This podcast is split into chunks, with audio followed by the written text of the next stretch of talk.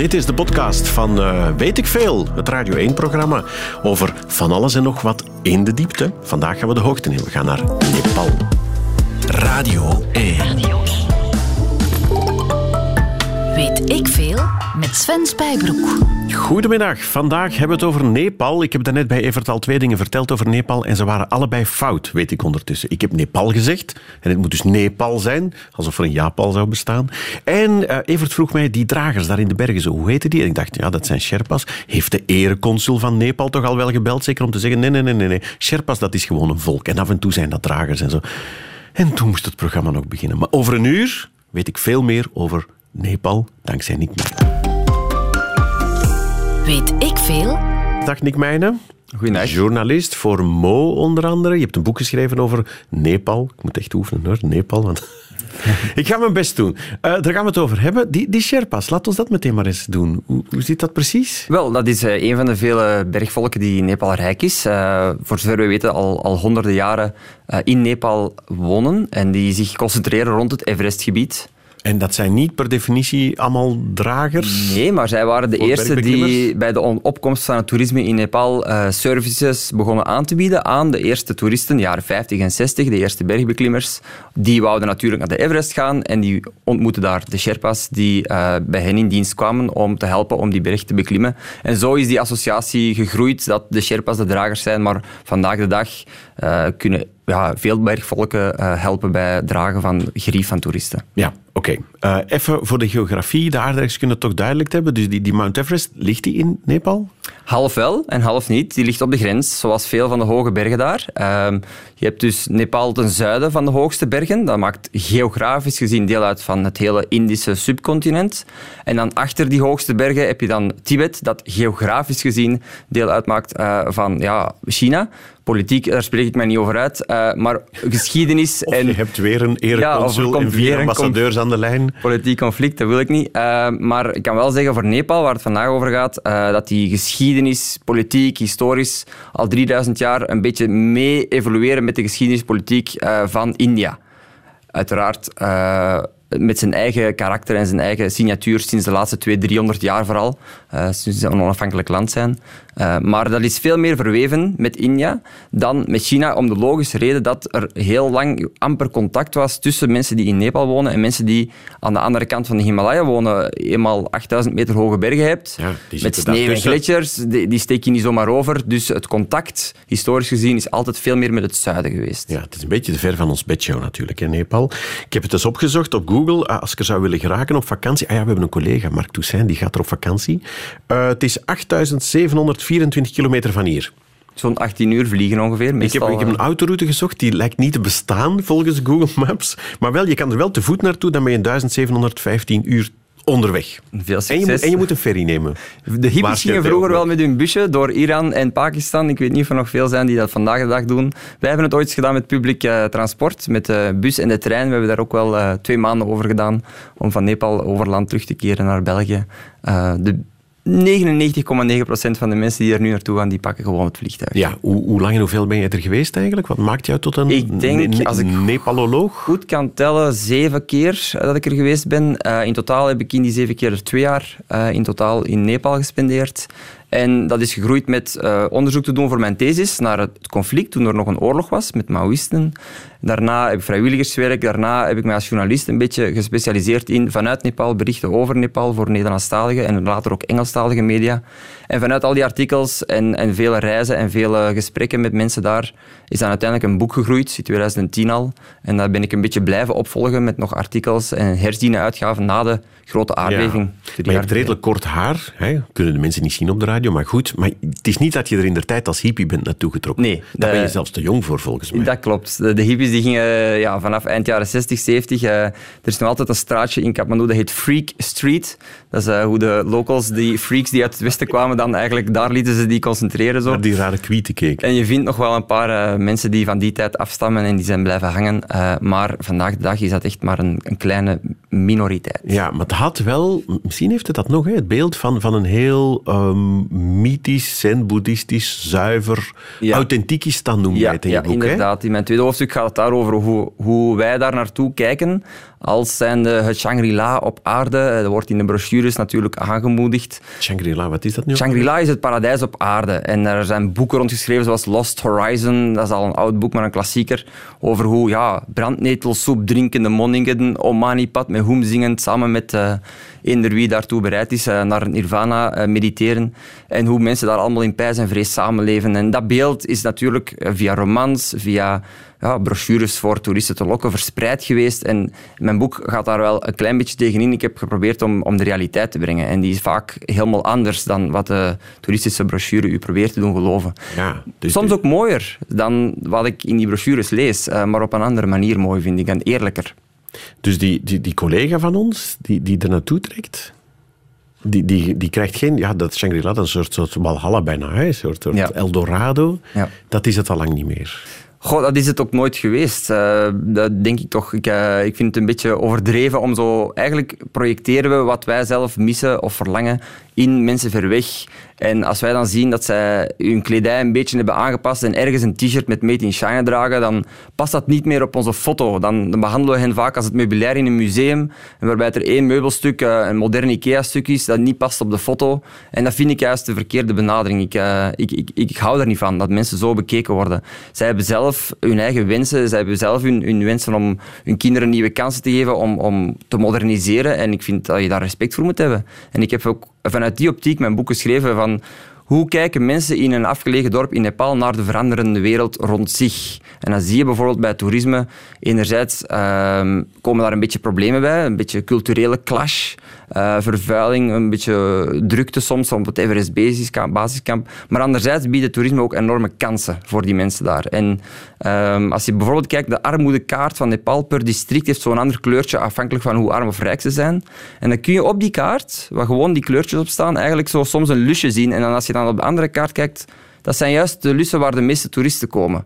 Daar is het eigenlijk duidelijk dat, dat ook de gewone Nepalees op het platteland eh, veel rijker is dan ah elders in Nepal. Ja, laat het ons minder arm. Minder arm, ja. Laat ons het inderdaad zo noemen. Maar toch, rond de Annapurna, rond de Everest, zelfs aan Langtang, zie je duidelijk minder armoede. Dus, dus dat toerisme maakt het dan minder authentiek? En wij toeristen vinden dat dan eigenlijk net jammer, want iedereen wil er naartoe nu het nog kan. Ja, maar tegelijk helpt het die mensen. Toch wel, ja. En daar heb ik heel sterk gezien in één bepaalde regio, Dolpo.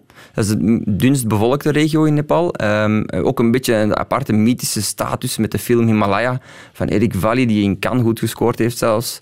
En die duidelijk ook zo'n beeld tonen van zo'n Shangri-La, zo'n oeroude gemeenschap die nog helemaal afgesloten van de buitenwereld leefde. En ja, dat heeft mij ook enorm gefascineerd. Ik ben daar dan uiteindelijk ook uh, naartoe gegaan. Uh, als een van de enigste dat jaar die er in dat gebied zijn geraakt. Want dat is heel afgelegen. En dan merk je ook van, ja, oké, hier verandert van alles, maar ook die mensen die zijn ondertussen eigenlijk een beetje afhankelijk geworden van dat toerisme om daar te kunnen blijven wonen. Want vroeger hadden ze een soort economie die gebaseerd was op zout versus graan. Ze gingen zout halen op het plateau in Tibet en daarmee gingen ze met hun jaks helemaal naar beneden en dan ruilden ze dat voor graan en boter, die ze, waar ze zelf wonen niet kunnen, uh, kunnen krijgen. Mhm. En dan uh, gingen ze terug omhoog en dat was hun handel. Maar nu komt het zout uit India, uit grote fabrieken en hebben ze eigenlijk hun ruilvoet is, is veel slechter geworden en kunnen ze daar niet meer van overleven. En dan zie je dat toerisme dat een beetje kan opvangen. En als je dan eens doordenkt, mensen die van Dolpo, zo'n afgelegen gebied, als vluchteling binnen hun land naar Kathmandu, naar een sloppenwijk trekken, omdat ze niet meer kunnen overleven in hun streek, die zijn eigenlijk veel minder authentiek in hun sloppenwijk in Kathmandu dan wanneer ze in hun streek kunnen blijven. Weliswaar met af en toe eens een Nike-t-shirt aan van, van eh, China en, en een beetje culturele aanpassing omwille van de toeristen, maar toch in hun eigen streek kunnen blijven, zich ontwikkelen en hun eigen economie kunnen, kunnen opbouwen. Dus die vraagtekens die heb ik zo'n beetje geplaatst. Ja, ik voel het. Onze ja. Mark Toussaint gaat er met een gerust geweten naartoe mogen trekken. Zeker gaan. Ja. Als hij zijn afval een beetje proper houdt en genoeg geld achterlaat. Ook belangrijk, ja. ja. Weet ik veel? Nick Mijnen, we hadden het over uh, toerisme in Nepal en wat dat met zo'n land doet. Mm -hmm. Heb ik Nepal gezien? Ik zei Nepal, hè? Ja. En, uh, maar, maar, in het hoofdstuk van je boek dat daarover gaat, gaat er ook een, uh, een, een, een, aantal paragrafen over iets heel geks. Ik moet zo op mijn papier kijken. Yarshagumba, zeg ik dat goed? Dat zeg je goed, denk ik toch? Spreek je eigenlijk Nepalees, Nepaliaans? Ali Ali Bolchu, een klein beetje. is het, het, is gewoon een aparte taal. Tuurlijk, ja. ja het is, uh, eigenlijk zijn er in Nepal zelf uh, tientallen talen. En het Nepali is een poging om één gemeenschappelijke landstaal te ontwikkelen, die nog maar vrij recent is eigenlijk, en die een beetje lijkt op het Hindi, uh, wat dan in India de poging is om, om één taal uh, naar voren te brengen. Uh, maar ja, mensen die Hindi spreken zullen geen Nepali verstaan. Andersom waarschijnlijk, meer waarschijnlijk. Ja, en wat is Yarshagumba? Yarshagumba is een unieke levensvorm. Ik durf zelfs niet zeggen insect of zwam, want het is eigenlijk een mengeling van die twee soorten levensvormen die aan elkaar vastgroeien, die enkel groeit op grote hoogte, dan spreken we over boven de 4000, waarschijnlijk zelfs 4500 meter, op uh, ja, grassige hellingen in bepaalde stukken van de Himalaya. En dus dat is een vrij unieke uh, levensvorm. Het is een, een, zwam? Wel, een zwam en een insect dat daar dan aan vast? vastgroeit eigenlijk. Een soort uh, larf die daar dan mee verstrengeld en geraakt. En dat zit in de grond? Ja, het komt uit de grond. Ja. Die insect hè, zet zich daarop en die groeien samen. En het interessante daaraan is dat uh, iemand heeft ontdekt dat dat libido verhogend werkt. En uh, sportprestaties verhogend werkt. En ja, zoals misschien nog herinnert, 2008 zijn er Olympische Spelen in China geweest. Ja. En de Chinezen hadden dat ook door. En die hebben blijkbaar toen die handel heel een boost gegeven. Want er was veel vraag naar, naar uh, de in de jaren voor 2008. En dat staat niet op de lijst van de verboden middelen? Blijkbaar niet. Oké. Nee, dus, uh, heb je het wel eens geprobeerd? Zelf? Nee, ik heb het niet geprobeerd. Dus het is ondertussen het ook uh, heel duur. het is, iets, op een bepaald moment was het 25.000 euro per kilo duurder aan goud per kilo waard. Okay. Dus daarom is er ook natuurlijk een enorme economie rond ontstaan. Waarbij in het bepaalde plukseizoen, in Dolpo opnieuw, um, ja, hele scholen en het leven allemaal sluiten.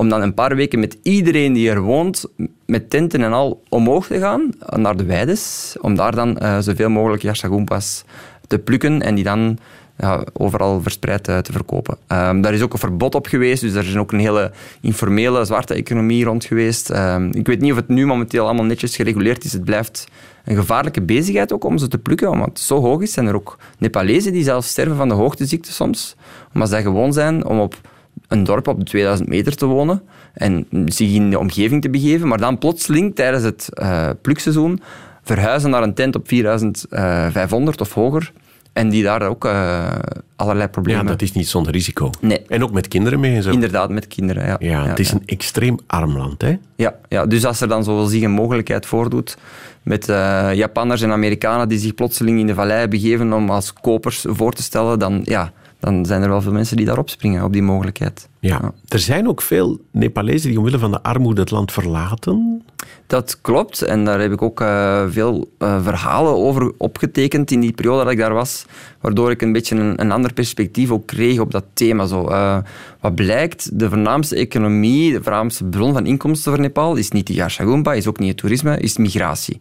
Waarbij dat arbeidsmigratie, mensen die in het buitenland gaan werken, geld sparen en terugkomen of ook geld terugsturen van het land waar ze dan werken. En dat is vroeger al zo geweest dat er veel Nepalezen die arm zijn naar India trokken om daar dan in fabrieken te werken, een half jaar lang in de winter. En dan kwamen ze terug met, in, in het geval van Fata, een, een, een, een, drager die in mijn groep zat, kwam hij terug met 70 euro. Na een half jaar, elke dag 12 uur werken, uh, eh, 30 dagen van de 31 per maand. Uh, en dan kon hij met die 70 euro een aantal kleren en keukengerief kopen voor zijn gezin.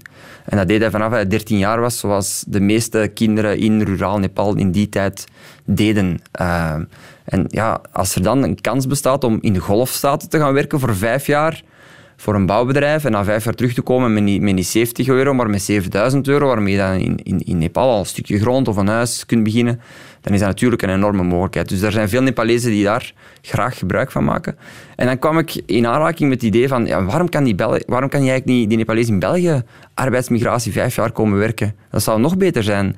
Dan was ik uh, op, reis met een groep en er was een, een dokter in die groep en die zei, ja, die was van Brugge, ik, ik, heb hier een dakwerker in mijn straat en die heeft daar een vacature die maar niet ingevuld geraakt. Hè. In ons land zijn er een aantal knelpuntberoepen. Ja, een dakwerker is er Voilà, en loodgieters en wat, wat nog allemaal. En die zei van, ja, die Nepalees hier, dat is zo'n sterke man. Die heeft uiteraard geen hoogtevrees. Die is gewoon om heel de dag buiten te werken. Zou die eigenlijk niet graag vijf jaar in Brugge willen komen werken aan de daken en dan terugkomen? En natuurlijk zou hij dat graag willen doen. Dus dan ben ik eens gaan polsen van, oké, laten we dat eens gewoon uittesten. Hè, naar het Belgische consulaat gaan. Wat zou dat allemaal... Ja, en dan mocht ik gewoon... Dat was niet aan beginnen. dan moest ik uh, iemand vinden die in Bruggen eigenlijk al naar het gemeentehuis zou gaan om al garant te staan voor de inkomensvoorziening van die Nepalees die hij nog nooit gezien heeft, voordat hij ook nog maar kan beginnen aan het proces. Dat, niemand doet dat natuurlijk. Dus, en, dan, en dan lees je wat verder in het thema, dan lees je VN-rapporten, internationale migratieorganisatie, uh, experts die allemaal zeggen, ja, eigenlijk onze wereldeconomie heeft nood aan arbeidsmigratie. En verliest eigenlijk enorm door het gebrek eraan. Ja, dus, dus hier is het een knelpuntberoep, maar er staan eigenlijk wereldwijd wel mensen te trappelen om dat werk te komen doen. En, en het is zelfs allemaal berekend dat zo'n arbeidsmigratie zou zowel voor onze staatskas interessant zijn. Iemand die hier vijf jaar komt werken en zijn belastingen betaalt, draagt eigenlijk bij tot de oplossing van de vergrijzing. We hebben steeds meer mensen die op pensioen zijn en die betaald moeten worden, met steeds minder mensen die aan het werk zijn ja, als je allemaal jonge krachten tijdelijk hier laat werken, dan dragen zij bij aan die pensioenen die wij uh, nog moeten kunnen betalen over zoveel jaar. En voor hen zou het uiteraard ook enorme voordelen bieden. Maar momenteel zit dat een beetje vast in een, uh, ja, in een politiek, uh, cultureel sfeertje dat nogal, laten we zeggen, negatief is ten opzichte van het hele migratiethema. en dus ook arbeidsmigratie op één hoop nat wordt gegooid als zijnde onwenselijk. En dat, dat is een beetje jammer om vast te stellen vanuit enerzijds de potentieel dat je ziet in Nepal zelf, maar ook in andere landen, van mensen die echt harde werkers zijn. Ook. Het zijn ook enorm sterke mensen dat je daar ziet. Hè. Mensen die vanaf hun twee, drie jaar op teensliepertjes de bergen oplopen met een mand op hun rug en die uiteindelijk ja, gemakkelijk 80 kilo een berg opdragen dat wij denken van hoe kan dit? Ik heb sowieso een mand van 50 kilo proberen op mijn voorhoofd. Ze dragen dan met zo'n mand met een band op hun voorhoofd. Mhm. Ja, je zou gewoon je nek breken als je dat, als je dat echt zou gaan rechtstaan. Ja, maar nu schets je wel een heel idyllisch beeld van, van hele sterke, gezonde mensen in de buitenlucht. Ja, Wat is de levensverwachting in Nepal? Want... Die is enorm gestegen eigenlijk. In de laatste decennia is die gestegen van vroeger in de 40 naar nu hoog in de 60. Dat toch wel? Ja, dus uh, de laatste decennia is, is wat dat betreft zeker vooruitgang uh, qua levensverwachting. En wat is er dan veranderd? Dat plots zoveel Wel, tot, jaren, tot 1950 was Nepal een volledig gesloten land. Uh, een beetje zoals Noord-Korea nu. Er mochten eigenlijk geen buitenlanders binnen. Uh, het was, een, het was een, een koninkrijk waar de koning het allemaal voor het zeggen had. en dan is er zo een eerste democratische revolutie geweest, een beetje verandering. En uiteindelijk is dan begonnen aan toerisme enerzijds, anderzijds ontwikkelingshulp en, en is de invloed van buitenaf toegenomen. En in die halve eeuw is die levensverwachting toch merkelijk uh, gestegen, maar ook ongelijk verspreid. Dus in de steden en, en, waar ja, bereik is, uh, de wegen en zo, daar is die enorm gestegen. Maar als je dan het platteland intrekt, je kunt in Nepal nog altijd een week stappen van de dichtstbijzijnde weg of vliegveld naar dorpen die dus één week heen en één week terug stappen zijn van, het, van de eerste motor. Uh, en waar dan ook geen dokters zijn. En waar de levensverwachting nog altijd laag is. Er is een district Mugu, waar ik ook doorgestapt ben. Dat is heel tristig om te zien. Uh, babytjes met een plastieke zak op hun hoofd als muts. En die komen ze dan naast u zetten om zo te vragen, heb je geen medicijn? Ja, je zegt geen dokter, je weet niet voor wat. En in Mugu is de levensverwachting nog altijd 44 jaar. Ja, er staan ook foto's in je boek van, van dorpen die je alleen via een soort kabelbaan kan ja, bereiken. Effect, dat was dus inderdaad Mugu het geval, waarbij de enigste... Uh, normale brug over de rivier vernietigd was door de Maoïsten in de oorlog, omdat ze op die manier eigenlijk een gebied hadden waar ze zich een beetje relatief veilig konden terugtrekken, omdat het leger niet zomaar er kon geraken. er zijn hoge passen, bulderende rivieren. Als je dan enkel nog een kabel hebt, die is makkelijker te verdedigen blijkbaar. En ja, die tien jaar burgeroorlog hebben natuurlijk ook bijgedragen tot een beetje, uh, ja, enerzijds stilstand van, van, van, verdere ontwikkeling. Anderzijds, als je ziet wie er, wat er uiteindelijk is voortgekomen, is wel het resultaat geweest dat het Koningshuis een stap opzij heeft moeten zetten. Uh, en dat er toch uh, een, een, meer mature democratie in de plaats is gekomen met een, met een toch meer democratische grondwet. En dat er nu wel terug economische groei is. Dus dat is ook een dubbel verhaal. Dus het is toch een beetje een hoopvol verhaal. Ja, je ziet veel dingen in de positieve zin evolueren in Nepal. Je ziet ook mensen die kansen krijgen. Bijvoorbeeld foto's die nu in Knak staan, worden daar in een kantoortje in Kathmandu gelayout en gefotoshopt. Uh, en daar heb ik ook eens een maand mogen meewerken. Uh, en voor die mensen is dat een fantastische nieuwe job. Die werken 40 uur een week, die hebben een airco, die hebben een koffieapparaat, uh, die komen met een motorbike naar het werk, die hebben een smartphone. En die doen ja, in Adobe, Acrobat, Adobe allerlei foto's Ja, voor het. Westen. Is dat echt waar van de knak? Dus Ja, die- ja, ja, ja. ja. Dat zijn jobs die vroeger in Roeselare werden gedaan? Ja, ja, ja. Die dus ja in daar is ook een beetje problemen mee geweest gedaan. toen ik dat eh, publiceerde. Van ja, maar wij doen dat helemaal niet en zo verder. Maar ja, ik kon dat wel degelijk aantonen met de e-mailadressen die ik binnenkreeg. Want ik werkte daar tijdelijk om een, een manager te vervangen. ehm, om eigenlijk de communicatie te doen tussen het Nepalese team en wat men in België verwachtte. Ja, Eh, maar dat is, dat is eigenlijk ook... Je zou het als een vorm van ontwikkelingssamenwerking kunnen zien. Als je Tuurlijk. mensen daar plots goede jobs geeft, exact, dat is de goede kant van de gezond, globalisering. goed betaald. Wat dat wij soms misschien van ons perspectief misschien bedreigend ervaren, is juist voor hen een enorme kans. Ja. Een kans om zich te, te bewijzen, om zich te ontwikkelen. En, en dat zie je ook gebeuren. En ehm, als je dan ja, vanuit hun perspectief bekijkt, dan kijk je er helemaal anders naar.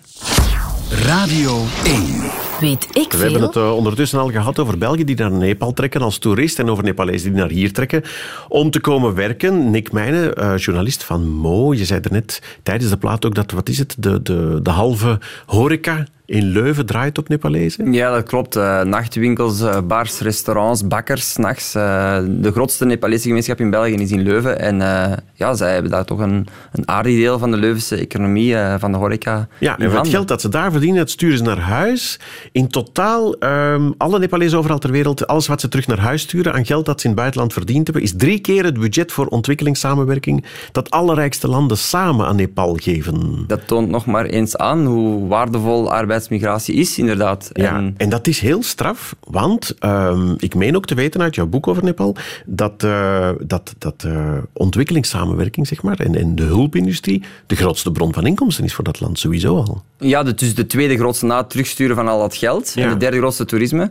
En daar vallen heel veel kanttekeningen bij die tweede grootste bron te maken van die ontwikkelingssamenwerking. Want eh, eigenlijk 68% van al dat geld dat geteld wordt als ontwikkelingssamenwerking, komt eigenlijk zelfs niet eens aan in Nepal. Of verlaat het land meteen. Want dat Oei. gaat eigenlijk naar westerse experts die heel duur betaald worden om daar dan eh, advies te komen geven eh, naar vliegtuigreizen van die expats en zo verder. Je hebt daar mensen die werken aan, aan 1000 dollar per dag, consultants die dan allemaal advies geven. En ik ben eens naar een vergadering geweest en dat ging over de efficiency of aid was het thema. En het speelde zich af in een eh vijfsterrenhotel in Kathmandu, waar de nachten eh, meer dan 100 dollar waren, waar iedereen een heel pakket goodies kreeg dat ik helemaal niet nodig had.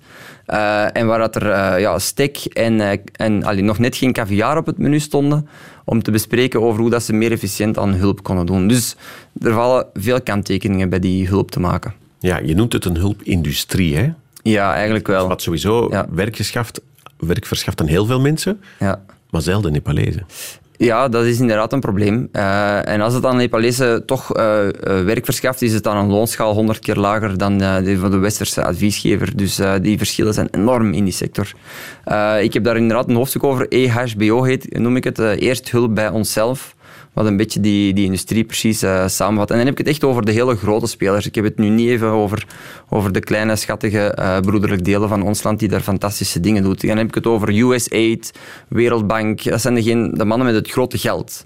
En die gaan naar daar niet zozeer om eh, ja, die, die armste Nepalezen echt structureel vooruit te helpen. Eerder om hun eh, programma's eh, zo ja, efficiënt mogelijk eh, in hun ogen dan uit te voeren.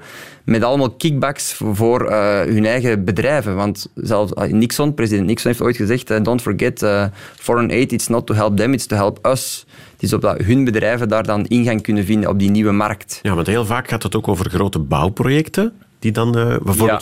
Hè? Er- Het verhaal in je boek van de, de West-Seti-dam. Ja, dat is een waanzinnig project van meer dan een miljard dollar. Met dan leningen van de Asian Development Bank. Dus dat het land eigenlijk moet op lening betalen. En daar zouden ze dan, als het door had gegaan, een, een stuwdam gebouwd hebben van bijna 200 meter hoog. eh, wat eigenlijk een spouwmuur is. Twee, twee betonnen dingen met allemaal losse rot- eh, rotsen ertussen. Wat volgens eh aardbevingsdeskundigen sowieso al een beetje waanzin was geweest eh, om dat daar te doen. Hè, aardbevingsgevoelig. Al die plannen waren van voor de grote aardbeving. Eh, verder zouden er 13.000 boeren moeten opkramen, want hun gebied komt onder water te staan. En zou het dan nog zijn om een stuwmeer aan te leggen en water voor die boeren zelf, of elektriciteit voor die boeren zelf? Nee, dat zou allemaal naar India gaan. De elektriciteit wordt allemaal aan India verkocht aan een prijs die bijna de helft is van wat Nepal betaalt aan India elders om het elektriciteit in te voeren. Dus ze, verlie- ze scheuren er eigenlijk massaal hun broek aan. Ehm, en al het water zou voor boeren in India zijn, dus vanwege oneerlijke handelsakkoorden tussen Nepal en India in het verleden. En ja, heel dat project is tien jaar controverse rond geweest. Uiteindelijk is het gelukkig niet doorgegaan vanwege ook uh, al het verzet daartegen. Er zijn advocaten tegen actief geweest, lokale groepen zijn zich gaan verzetten daartegen. En dat is ook een van de voorbeelden van hoe Maoïsten toen in de oorlog erin geslaagd zijn om die onvrede te capteren eigenlijk. Uh, zij hadden altijd van, ja, dat mag er niet komen, dat project. En zij hebben dat dan met harde hand ver, uh, verhinderd. Een, een kantoor in brand gestoken ter plaatse en zo verder. Ah ja, met puur geweld. Ja, ja de Maoïsten was oorlog. Hè. Ja. En dat zij met harde hand aan die 13.000 boeren konden zeggen, wij zorgen er hiervoor dat die dam er niet komt en we steken een kantoor van die ingenieurs in de fik ja, dat had enerzijds als effect dat dat project uh, er niet zo snel niet meer ging komen. En anderzijds dat die 13.000 boeren zoiets hadden. Ah, eindelijk iemand die eigenlijk wel het voor ons opneemt. Want de rest van politieke partijen die stemmen allemaal voor die dam. En zo op die manier hebben ze heel vaak eigenlijk... Als je, dan heb ik eens vergeleken. De kaart met de verkiezingsuitslag van de uh, grote verkiezingsoverwinning van de Maoïsten, waar ze 40% van de stemmen hebben gehaald. Mm -hmm. Dat was in 2006. Uh, en die naast de grote ontwikkelingssamenwerkingprojecten zoals die dam gelegd. En ook een ander project van USAID, waar ze 15 miljoen hadden geïnvesteerd, zo gezegd om de lokale boeren te helpen. Uiteindelijk om uh, hun, hun producten daar binnen te krijgen. En dan zie je dat eigenlijk Maoïsten nog, nog veel meer dan 40%, dus het allerbeste score hadden, net waar dat die grote projecten plaats hadden gevonden of gepland waren. Een ander voorbeeld is de Melamshi uh, Water Diversion Project, waarbij ze een hele rivier onder een berg hebben gegraven, zodat Kathmandu aan water komt. Maar ja, die rivier ja, die wordt omgeleid. Al die andere boeren die hebben dat water ook nodig. Die zitten soms zelfs met projecten van uh, visserij, uh, kwekerijen en, en, en rijst, waarbij ze afhankelijk van het, van het water zijn van de rivier, met leningen van een bank die nu een lening geeft voor die rivier te heromleiden. Als je dan een Maoïstische partij hebt die zegt, ja, wij zorgen ervoor dat dat er niet komt, dat project, en wij saboteren de boel, dan heb je opnieuw de steun van die mensen in die vallei. En zo is dat eigenlijk in heel Nepal gebeurd. Ja, je bedoelt over veel van die projecten is niet goed nagedacht. Um, toen ik het las, ik wist het niet meer op het einde. Moet, moet ik dan stoppen met geld geven als iemand nog eens rondkomt? Nee, dat Nepal? is nu ook weer niet. Dan zeggen uh, van jongens, het is toch slecht besteed? Nee, dat nu ook weer niet. Want wat ik nu beschreven heb, is USA, de Wereldbank, dat zijn overheden, dat zijn de hele grote spelers. Uh, op, opnieuw, dat zijn niet de kleinere spelers uh, van de NGO's die geld inzamelen. Daar heb ik ook een apart hoofdstuk over, over 1212. Waar is het geld naartoe gegaan na de aardbeving? Zijn we samen met een team van de VRT ter plaatse de projecten gaan bekijken. En daar was ik eerlijk gezegd positief verrast over hoe snel uh, organisaties als Handicap International uh, en, uh, en Oxfam toch geld op de juiste ja, plaats wisten te, wisten te krijgen. Ja, dat wel. dus dat is een aparte categorie in mijn boek. Dat zijn de kleinere spelers. En dat is ook geen eenduidig positief verhaal. Ook daar heb je soms ook wel vragen te stellen en problemen. Zo heb ik eens een gezondheidskamp gezien waarbij dan westerse dokters voor drie dagen in een verlaten vallei ingevlogen werden om drie dagen lang 8000 mensen in totaal te behandelen. Omdat, ja, er waren geen dokters in dat gebied, maar dat is dan zo'n beetje helikopterhulp. En dat werkte duidelijk ook niet. Dat was allemaal niet goed omkaderd. En daar liepen mensen de volgende dag terug van ja, ik heb al mijn medicijnen al opgenomen en ik voel me nog altijd niet beter. Ja, maar die waren wel voor twee weken. Ik bedoel, zo, het concept westerse medicijnen, dat, dat drong niet helemaal door. Of mensen die gestorven zijn wegens gebrek aan opvolging. Dus ook bij kleinere, goed bedoelde NGO's moet je toch altijd even... Het is niet makkelijk. Nee, het is echt niet makkelijk. Het is een heel moeilijke sector om te werken. Maar er gebeuren wel goede dingen ook. Radio 1. Weet ik veel? Nick Meijnen, we hebben het over Nepal. Een van de belangrijkste exportproducten van Nepal is weeskinderen.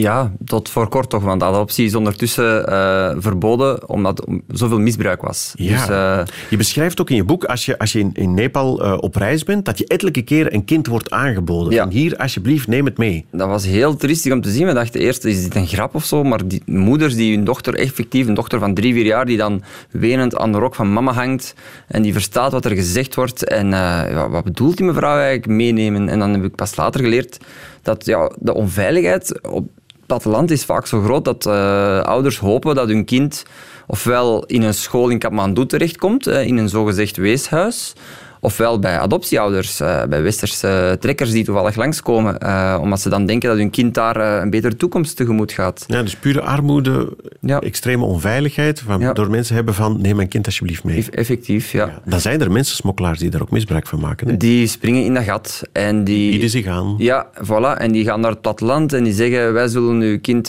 in een school in Kathmandu en die zal daar een goede opleiding krijgen. En dan als die uh, wat hier gewerkt heeft, zal die terugkomen met veel geld. Uh, en dat wordt, verhaaltje wordt verteld op het platteland en veel mensen geloven dat ook. En dan kom je toe in Kathmandu en dan zie je dat daar een hele industrie van weeshuizen bestaat. Honderden weeshuizen, die vaak niet meer zijn dan een, een, een krot zonder ramen, zonder deuren, waar het water binnenstroomt, waar geen uh, toezicht is, waar straatkinderen uiteindelijk gewoon overleven door zelf op straat te bedelen en, in dat uh, krot terug te trekken. Want die mensensmokkelaars bieden er helemaal geen school voor aan. Erger nog, zij gaan op zoek naar... Uh, zij verbranden hun papieren, hun eigendoms... Uh, sorry, hun, hun paspoorten en zoveel gegevens. En ze maken een nieuwe identiteit, alsof het een echt weeskind is, om het dan eigenlijk te verkopen voor veel geld aan de adoptieindustrie. Uh, en zo zijn er veel uh, wantoestanden geweest, waardoor de overheid uiteindelijk beslist heeft van ja, we laten dat voorlopig niet meer toe totdat er een degelijke uh, controle is op die mensensmokkel. Um, en een vijfde ongeveer uh, van alle weeskinderen, tussen accolades, in uh, de weeshuizen in Kathmandu zijn ook echte weeskinderen. Dus vier vijfde heeft nog ouders die ergens in Nepal wonen. Dat zijn cijfers van uh, USAID en, en van UNICEF. En UNICEF die zegt zelf, ja, eigenlijk moet er aan gezinshereniging worden gewerkt. effectief ook mogelijk is. Er zijn kleinere NGO's die dat proberen. Die gaan dan terug naar de dorpen op zoek naar uh, ja, de ouders van die kinderen die ze in Kathmandu vinden. Die gaan daar naartoe met video's van hun kind en die proberen met die ouders te praten en te overtuigen van eigenlijk eh, die veel meer toekomst als die hier terugkomen dan de situatie in Kathmandu. Ja. Die mensen, smokkelaars, die proberen niet alleen geld te verdienen door die kinderen te laten bedelen of door ze te verkopen. Mm -hmm. Wat zei je al, adoptie en zelfs seksindustrie. Ja, ja. Um, het, het, weeshuis aan zich wordt ook gebruikt om, om geld in te klopt. zamelen. Bij ons in het Westen dan? Ja, ja. Dus dat is ook een beetje een, een, een vieze strategie eigenlijk. Hè. Dus uh, er zijn dan een aantal van die weeshuizen die er van buiten wel mooi uitzien. Je maakt daar dan wat foto's van, je bouwt een website. Dat zijn dingen die een middenklasse Nepalees met een beetje ervaring met computer wel kan doen. En je kunt subsidies beginnen aanvragen en peterschappen beginnen regelen enzovoort. En dat is ook een soort vaste bron van inkomsten, want eenmaal dat je naar peterschappen gaat, ja, dan is het voor een ouder in het Westen veel moeilijker om te zeggen na drie jaar, ja, nee, ik ga nu eens een ander goed doel doen. Dan, dat is, dus daarom is het iets dat uh, voor organisaties die geld van België of Nederland naar daar willen krijgen, een stabiele bron. Dat is een maandelijkse bijdrage van peterschap of meterschap. En um, er is een telling geweest van een Nederlander, Wilco Verbakel, die voor ICFON werkt. En die zei dat er uh, in Nederland alleen zeker 40 verschillende organisaties waren die ergens een weeshuis in Kathmandu of zo hadden, of, of, of buiten Kathmandu. Uh, met dat model van eh, peterschap, meterschap ja. betalen. En dat zijn mensen van hier die dat vast ongelooflijk ter goede trouw doen? Ehm, de meesten doen dat zeker ter goede trouw. Daar is, dat is ook een beetje het tragische van het verhaal. Je heeft dat, dat, geld, je hoopt dat het ja, goed terecht komt. en je probeert iets goed te doen. En je ziet armoede als je in Kathmandu aankomt en je wilt iets doen. Je ziet straatkinderen lijm snuiven, dat is daar heel courant. En je wilt iets doen en je begint iets en, en voor je het weet zit je met men, mensen, smokkelaars eigenlijk samen te werken. En dat verhaal heb ik gewoon te vaak gehoord om toeval te zijn. En, uh, en, en de research bevestigt dat ook, van, uh, dat dat een hele industrie is geworden. Helaas zijn er ook een aantal met slechte bedoelingen. De gevallen van pedofilie van westerlingen, die midden in de nacht door de Nepalese politie uit hun bed worden gelicht met twee naakte jongetjes aan hun zijde, die zijn ook niet uh, uniek niet meer. Uh, ik weet niet of je ondertussen al op twee aan te tellen zijn, maar er zijn meerdere gevallen bekend. Dus ook daar zijn er een aantal die het effectief met slechte bedoelingen doen, die, ja. die misbruik maken van de zwakheid van die straatkinderen. Die... Maar je beschrijft in je boek ook mensen die, die als, als uh, ontwikkelings helper, zeg maar, als vrijwilliger een tijd gaan werken ja. in zo'n weeshuis en daar dan ook nog eens moeten voor betalen Inderdaad. en er graag willen voor betalen, omdat ze het dan van ja, steun noemen. Dus dat is ook zoiets dat zo een ervaring opdoen met kinderen in, uh, in een ontwikkelingsland is, is ook zo iets dat sommige jongeren gewoon hip vinden. En ze zijn dan vaak ook bezig met ja, 2000 dollar te betalen voor een maand in een Nepalees weeshuis te mogen werken. Ja, laten we eerlijk zijn, als een van mijn vrienden zou zeggen ik ga dat doen een half jaar dan, en die geeft een feestje om geld in te zamelen, ja, dan ga je met veel plezier zo iemand steunen, toch? Ja, toch wel. En, en die, dat zou ik dan zeker doen en, en die persoon ook steunen, maar ik vind wel, als je als persoon 2000 dollar moet betalen om in een wezen te mogen werken, dan, dan het minste dat je dan toch kunt doen, is een aantal vragen wel stellen. Uh, aan dat weeshuis waar je gaat werken, ehm, hoe dat, dat uh, georganiseerd wordt en zo. Want Ja. anders, voor je het weet, ja, help je aan een systeem dat eh, eigenlijk die kinderen weghoudt van hun dorp en hen geen goede toekomst heeft. Nu, het jammere van heel het verhaal is, er zijn ook goede weeshuizen en er zijn ook goede shelters. Dat is dan zo de eerste stap van, tussen het straatkind en, en het weeshuis. Dat is een shelter waar ze nog binnen en buiten... Ja, Ja. opvang. Ze mogen binnen en buiten wandelen. En ik heb ook in die ervaringen gehad, eh Chandrodaya, Shangri-La Home, waar ik denk van, ja, hier zijn ze wel goed bezig. En die paar pedofielen en, en die andere hele bende Mendense smokkelaars, die besmeuren natuurlijk hun naam en hele sector eigenlijk. Ja. En, dan mijn wordt het probleem is moeilijk van- natuurlijk, hoe weet ik in 's hemelsnaam wie ik wel en niet moet vertrouwen? Exact. Dat is een heel groot probleem. Dat is heel moeilijk om daar 100% duidelijkheid over te hebben. Ehm, en het is daarom, denk ik, dat het goed is dat die adoptie stilgelegd wordt, omdat er voorlopig die 100% duidelijkheid niet is. Nepal is een van de landen die ook het VN-tekst over het eh, onderdrukken van, van eh, mensensmokkel nog niet getekend hebben. Dus eigenlijk zou je ook kunnen zeggen, hier in België, we laten geen adoptie toe van landen die dat VN-charter niet ondertekend hebben. Ja. Die niet bewust echt moeite doen om die mensensmokkelaars tegen te houden. Steun jij zelf initiatieven, Ginder? Eh, ik heb zelf een Shoutara VZ2 opgericht met vrienden en ik volg het nog een beetje. En wij steunen lokale projecten van eh, microkredieten in, in hoofdzaak. En dat eigenlijk- we hebben inderdaad gekeken van hoe kunnen we nu toch proberen iets goed te doen zonder Sinterklaas te gaan spelen en, en de foute boel te doen. En we hebben gezocht naar lokale organisaties die al goed bezig zijn en die dan met een beetje steun nog een groter Ja. bereik kunnen, kunnen halen. Zonder dat je ze ook met veel geld tegelijk Ja, overspoelt. inderdaad. Behalve na de aardbeving, toen er noodhulp nodig was, hebben we wel een grote benefiets gedaan. Verspreid over Vlaanderen hebben we in totaal bijna 100.000 euro naar verschillende eh, projecten kunnen sturen die echt noodhulp nodig hadden. Shelters, eten, eh, kleren en zo verder. Het is wel goed terechtgekomen. Denk het wel, ja. Daar heb ik toch eh, goed gevoel bij. Radio 1. Weet ik veel?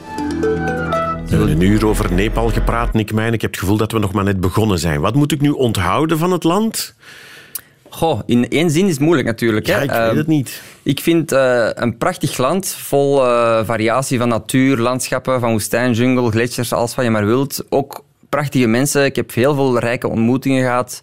Veel moedige mensen, vind ik, eh, die kansen grijpen die ze, die ze zien.